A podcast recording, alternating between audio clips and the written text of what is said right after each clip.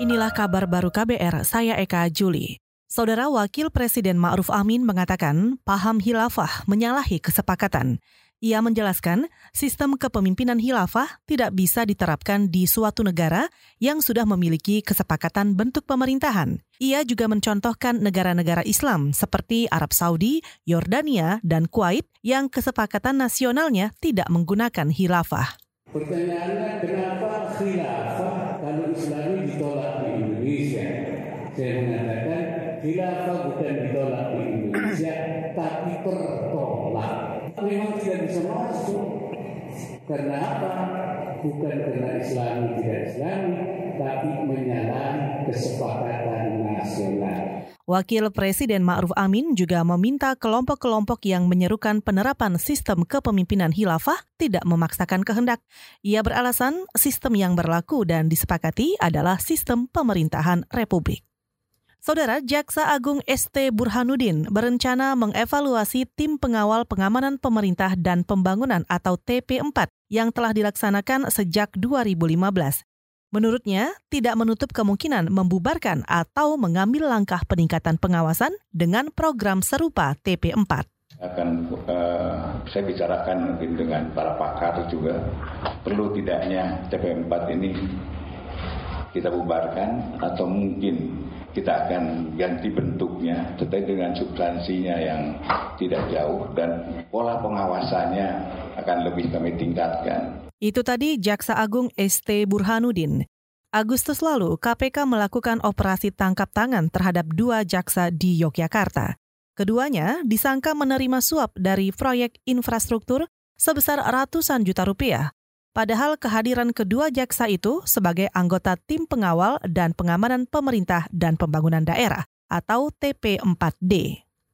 Saudara kepolisian menyelidiki kemungkinan unsur pidana desa fiktif yang mendapatkan alokasi anggaran program dana desa dari pemerintah. Juru bicara Polri, Dedi Prasetyo mengatakan, kepolisian membentuk tim khusus di Sulawesi Tenggara. Dedi mengklaim Polri akan mengusut kasus ini hingga tuntas. Polda Sultra sudah membentuk tim. Tentunya tim itu akan melakukan investigasi dulu berdasarkan fakta-fakta hukum yang ditemukan. Apakah ada pelanggaran pidananya atau tidak. Kalau misalnya ada pelanggaran pidana, pidana pelanggaran pidana apa yang dilakukan oleh baik seorang atau orang lain. Nanti akan dialami dulu. Ya. Juru bicara Polri, Dedi Prasetyo juga menambahkan, kepolisian masih terus mencari bukti-bukti terkait empat desa fiktif di Sulawesi Tenggara. Sebelumnya, Menteri Keuangan Sri Mulyani Indrawati mengungkapkan banyak desa hantu atau desa-desa baru tanpa penghuni. Desa tersebut muncul tiba-tiba demi mendapatkan alokasi anggaran program dana desa. Kita ke Bursa Efek Indonesia untuk mengetahui pergerakan saham di sana. Reporter KBR Valda Kustarini melaporkannya. Saudara Bank Indonesia pematok kurs tengah hari ini di level 14.020 rupiah per dolar Amerika Serikat menguat 20 poin atau 0,14 persen dari posisi 14.040 rupiah pada Kamis kemarin. Kurs jual ditetapkan di 14.090 rupiah per dolar Amerika Serikat, sedangkan kurs beli berada di 13.949 rupiah per dolar Amerika Serikat.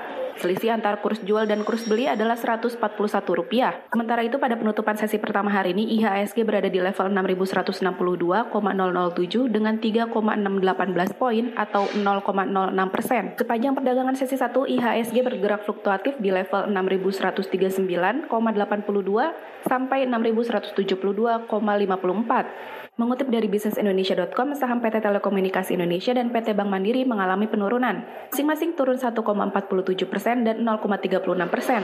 Hal inilah yang menjadi penekan utama atas pergerakan IHSG. Dari Bursa Efek Indonesia, Sudirman Jakarta, Valdo Kustarini, KBR.